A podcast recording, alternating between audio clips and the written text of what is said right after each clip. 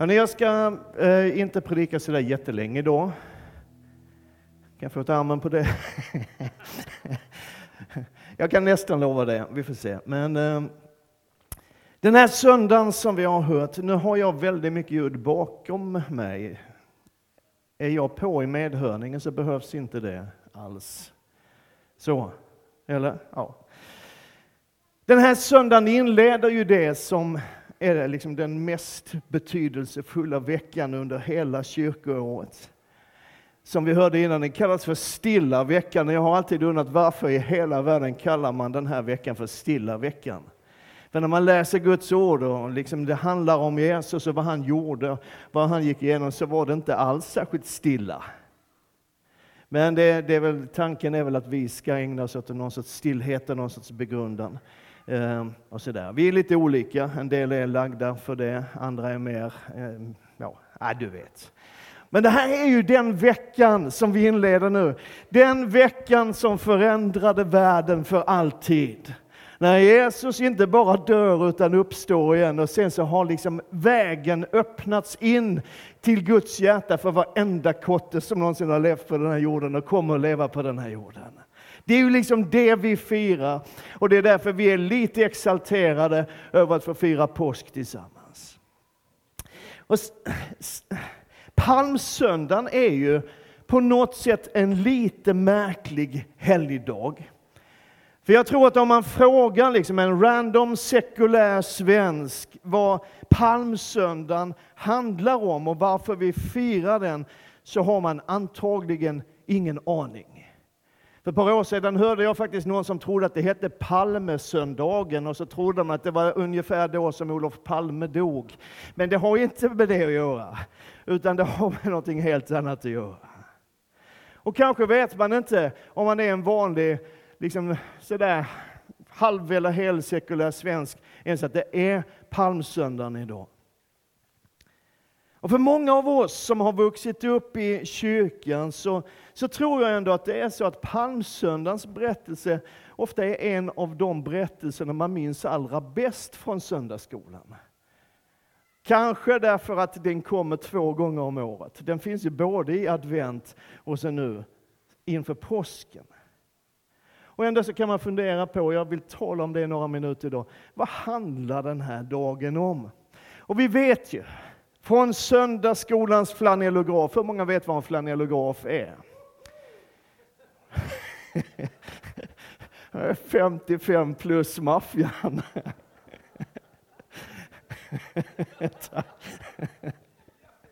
Jag sa det för att sänka min egen ålder lite grann. Flanellograf är ett fantastiskt grafiskt hjälpmöte att, hjälpmedel att förmedla stories på. Nu är den här flanellografen lite modernare än den som fanns när jag var barn 1846. Och så där. Det var mycket frommare bilder på min tid. Det går ut för mig. Men liksom det handlar ju om det här tillfället när Jesus rider in i Jerusalem på en åsna. Och vi minns kanske, åtminstone så blev det påminda av det i inledningen av vår gudstjänst, att profeterna i Gamla Testamentet hade sagt att det är så som Jesus ska komma. Och den berättelsen finns med i alla fyra evangelierna, i Matteus 21, i Markus 11, i Lukas 19 och Johannes 12. Och det är väldigt, väldigt lika beskrivet i alla de här fyra evangelierna. vi ska läsa från Matteus version av det här. Och du får stå upp när vi läser Guds ord. Du, vi gillar att hålla igång dig så du inte somnar, förstår du. Det står så här. När de närmade sig Jerusalem och kom till Betfage vid Olivberget sände Jesus iväg två lärjungar och sa till dem, gå in i byn där framför er. Där ska ni genast finnas en åsna som står bunden med ett föl bredvid sig. Ta loss dem och led dem till mig. Och om någon säger något till er ska ni svara, Herren behöver dem. Det är skönt att bara kunna göra ett sånt claim, jag behöver dem. Och han ska strax skicka iväg dem. Detta hände för att det som var sagt genom profeten skulle uppfyllas. Säg till dottern Sion, se din kung kommer till dig, ödmjuk och ridande på en åsna, på en arbetsåsnas föl. Lärjungarna gav sig iväg och gjorde som Jesus hade befallt dem. De hämtade åsnan och fölet och lade sina mantlar på dem och han satte upp. Den stora folkmassan bredde ut sina mantlar på vägen, andra skar kvistar från träden och strödde på vägen. Och folket, både de som gick före honom och de som följde efter, ropade Hosianna, Davids son. Välsignad är han som kommer i Herrens namn. Hosianna i höjden. När han drog in i Jerusalem kom hela staden i rörelse och man frågade, vem är han? Folket svarade, det är profeten Jesus från Nasaret i Galileen. Amen. Nu får du sitta igen. Folket ropade Hosianna. Och det är ju ett ord som vi i liksom våra sammanhang i stort sett bara använder i våra sånger och salmer och hymner och, och lovsånger och så här. Och då kan man fundera, vad betyder det? För jag har en känsla av att en del av oss ibland sjunger det här ordet Hosianna utan att ha en aning om vad det handlar om och vad det betyder. Det som folket ropar, Hosianna, Davids son, välsignad är han som kommer i Herrens namn. Det är ett direkt citat från psalm 118. Och när man ser på den texten och upptäcker vad, vad, vad står det där, så inser man att det här uttrycket Hosianna både är ett rop på hjälp och en lovprisning till honom som kommer med den hjälpen. Alltså det är ett rop på, på hjälp om frälsning och räddning. Men det är också en lovprisning, en tacksägelse, en hyllning till den Gud som kommer med den räddningen. Och det är på något sätt så att i det här uttrycket Hosianna så finns både människans desperation, människans längtan efter att få sträcka sig ut till någonting som är större än mig själv, som faktiskt kan förändra min situation, som kan förändra mitt liv, som kan bryta mörkret, som kan lyfta bördorna, som kan sätta mig fri. Och som mitt i alltihopa, mitt i den desperationen, ser det som att det föds ett frö av tro i människans hjärta. Och så sträcker man sig ut i en försiktig hyllning till en Gud som faktiskt kan sträcka sig ner och vill sträcka sig ner och dra oss ut, som psalmisten säger, ur fördärvets grop. Amen. Så det ligger en dubbelhet i det här uttrycket, både en bön och en lovprisning. Bön och tacksägelse i ett och samma ord. Det är ju smidigt, eller hur? Så en väldigt fri översättning av uttrycket Hosianna skulle bli ungefär Hjälp oss Herre, rädda oss och prisad vare du som gör det. Och man väntade på en räddare. Man väntade på Messias, den som Gud skulle sända. Och det fanns så många löften, så många profetiska löften, så många förutsägelser, så mycket som talade för att det kommer en Gud kommer att sända någon till oss. Och egentligen så var det de här löftena om Messias det var det som hade burit det judiska folket genom århundraden, genom slaveri och fångenskap, genom strider och svårigheter och genom korta tider av välgång och genom långa tider av motgångar. Löftet om att det kommer en befriare. Och så var landet än en gång intaget och ockuperat av den romerska makten den här gången. Och man längtar desperat efter en befriare. Och många satte sitt hopp till Jesus. Tänk om det är han.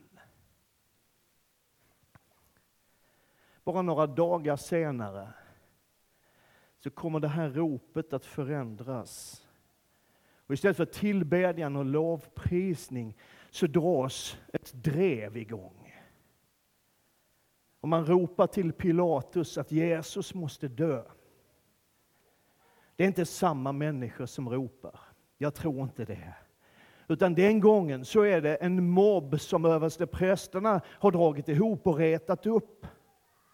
Men det är inte längre, fyra dagar senare, så är det inte längre lovprisning som ekar mellan husen i Jerusalem, utan det är en dödsdom som är uttalad av den värld som Jesus kom för att rädda. Men det där ropet kommer att förändras en gång till under den här intensiva stilla veckan. På söndag morgonen, en vecka från nu, så är det ett annat budskap som börjar spridas. Han är uppstånden. Wow. Och det var ju nog inte lika högljutt som lovprisningen på palmsöndagen eller drevet på torsdagen och natten mot fredagen. För budskapet om att döden inte kunde behålla Jesus, det spreds till en början ganska försiktigt. Från människa till människa. Små grupper som ibland inte riktigt visste vad de skulle tro och tänka. Men det blev fler och fler som sa att de hade mött den uppståndne. Och så spreds budskapet vidare, fortfarande lågmält och ganska försiktigt. Ända tills Petrus 50 dagar senare, på pingstdagen, står mitt i Jerusalem med tusentals människor omkring sig, så ropar han ut att denne Jesus har Gud uppväckt och vi är alla vittnen till det. Amen. Och det är det här ropet som tydligast har levt kvar. För det är det här som hela påsken, ja faktiskt hela evangeliet handlar om. Att han är uppstånden. Han är Messias. Han är Herre. Han är den som skulle komma och han är den som kom. Och han är världens frälsare och vår enda räddning. Och det finns väldigt mycket man skulle kunna säga omkring palmsöndagen.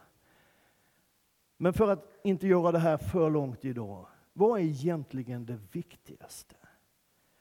Finns det någonting i palmsöndagen som vi kan ta med oss? Finns det någonting i Bibelns berättelser om den här dagen som har en direkt betydelse för oss? Och idag har jag bara en punkt i min predikan. Det här var inledningen, nu kommer punkten. För jag tror att det allra viktigaste, viktigaste med palmsöndagen och budskapet kring palmsöndagen, det är det här. Jesus visste vad som väntade. Han visste vad som väntade. Hans död var ingen olycklig slump. Den var liksom inte bara resultatet av en förrädares svek av det stora judiska Stora rådets avundsjuka, eller ett resultat av Pilatus feghet, eller ens de romerska soldaternas spikar och spjut. Jag har hört och jag har läst människor som har uttryckt någonting i stil med att hela idén om det här med frälsning genom Jesu död, att Jesus dog i vårt ställe, tog det som vi förtjänade. Att det är en sorts efterhandskonstruktion som Jesu lärjungar spred för att i alla fall ge någon sorts mening till påskens händelser. Och det är klart,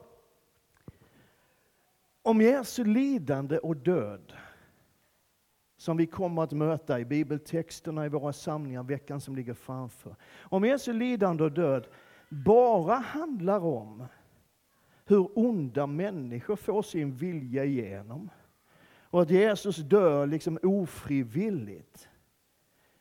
Då blir evangeliet om försoningen i bästa fall Guds sätt att skapa någonting gott ur någonting fruktansvärt. Och i sämsta fall så är hela vår tro på frälsning och räddning bara ett påhitt. Men Jesus visste, och det är helt avgörande. Det står så här i Markus 10. De var nu på väg till Jerusalem och Jesus gick före dem. De var fyllda av bävan och de som följde med var rädda. Då tog Jesus än en gång med sig de tolv och började berätta för dem vad som skulle hända honom. Se, vi går upp till Jerusalem och Människosonen kommer att överlämnas till översteprästerna, de skriftlärda. De ska döma honom till döden och utlämna honom åt hedningarna.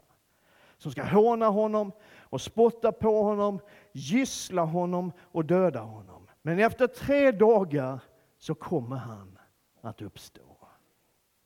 Alltså Jesus hade hela händelseförloppet klart för sig. Sen finns det en lite märklig pedagogik i det här kan jag ju tycka lite grann från min horisont. Lärjungarna är jätterädda och jag har svårt att tro att det Jesus berättade för dem gjorde dem lugnare direkt. Men, men grejen är att han visste.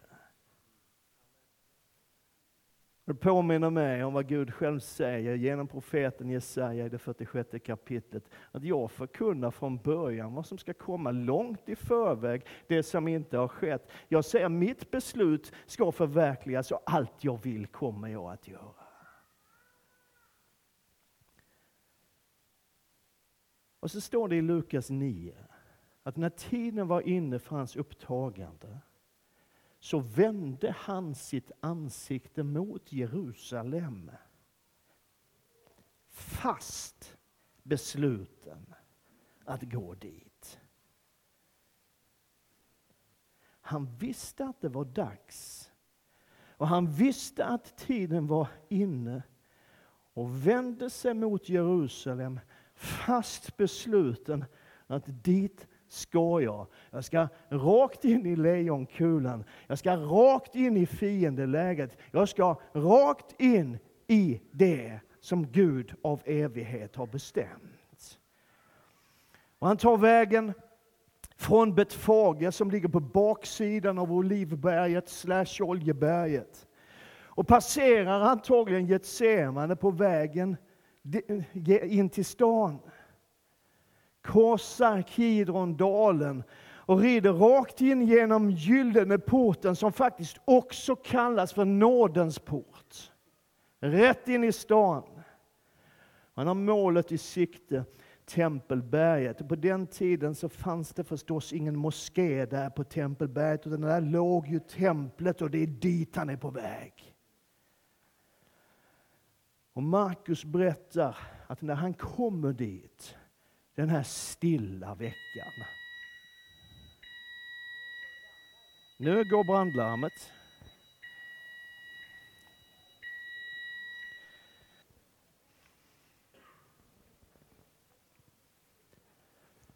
Då kör vi.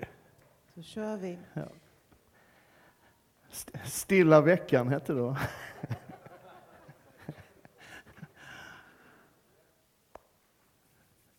Brandkåren bad mig predika med lite mindre fire. Uh, nej, Okej, okay, Jesus är på väg till templet. Det är dit han ska, det är det som är hans mål just nu. Markus berättar att när Jesus sedan kommer till templet så rensar han ut all den bråte, allt det som fanns där som hindrade människor från att tillbe. Och så återställer Jesus tempelplatsen till att vara det som var tänkt, en bönens plats för alla folk. Så själva poängen är att Jesus visste vad han gav sig in i och att han var fast besluten. Jag kommer ihåg vad Jesus sa, det här, är, det här är så viktigt. Han säger så här, Fadern älskar mig därför att jag ger mitt liv för att sen ta det tillbaka. Ingen tar det ifrån mig. Ingen tar det ifrån mig, utan jag ger det av fri vilja. Så Jesus kommer till en fallen värld. Det är den världen han föds in i. Det är en värld som har förlorat härligheten från Gud. Det är en värld som är plågad och sönderslagen av människans ondska, människans egoism, människans maktlystnad. Och han kommer för att rädda den världen. Och när Jesus rider in i Jerusalem så gör han det med det här målet i sikte. Att den värld som egentligen förtjänar att utplånas och den mänsklighet som faktiskt effektivt håller på att förgöra sig själv. Den världen och den mänskligheten älskar han. Han dör för att vi ska få leva. Och hans död blir vår död. Och vår död, den som vi egentligen förtjänade, blir hans. Men hans uppståndelse blir vår uppståndelse. Och hans liv blir vårt liv. Det är precis det vi har sett här idag i dopet. Den död som skulle vara våran, den tar han på sig. Och så ger han sitt liv till oss. Och när han dör, och det här kommer vi tala mer om i påsken, när han dör så finns allt det i ditt och mitt liv som skulle kunna skilja oss från Gud, det finns i honom. Och det dör med honom. Men när han uppstår igen, om en vecka från nu, så är vi i honom när han uppstår. Och så får vi leva i hans liv. Han som inte visste av synd. Någon översättning säger han som inte visste vad synd var. Honom gjorde Gud till synd i vårt ställe. För att vi i honom skulle bli rättfärdiga inför Gud. Och det är därför tänker jag, som vi också kan ropa ut och sjunga ut Hosianna. Herre, hjälp oss. Herre, fräls oss. Och prisad var du som gör det. Så vi ber tillsammans. Jag tackar dig för att du är oändligt god. Jag tackar att när du red in i Jerusalem så gjorde du det inte som en kung med makt och anspråk, utan du gjorde det i ödmjukhet som en tjänare för vår skull. Jag tackar att det som du gjorde, det gjorde du av fri vilja därför att det var av evighet bestämt. Och du gick hela vägen för vår skull.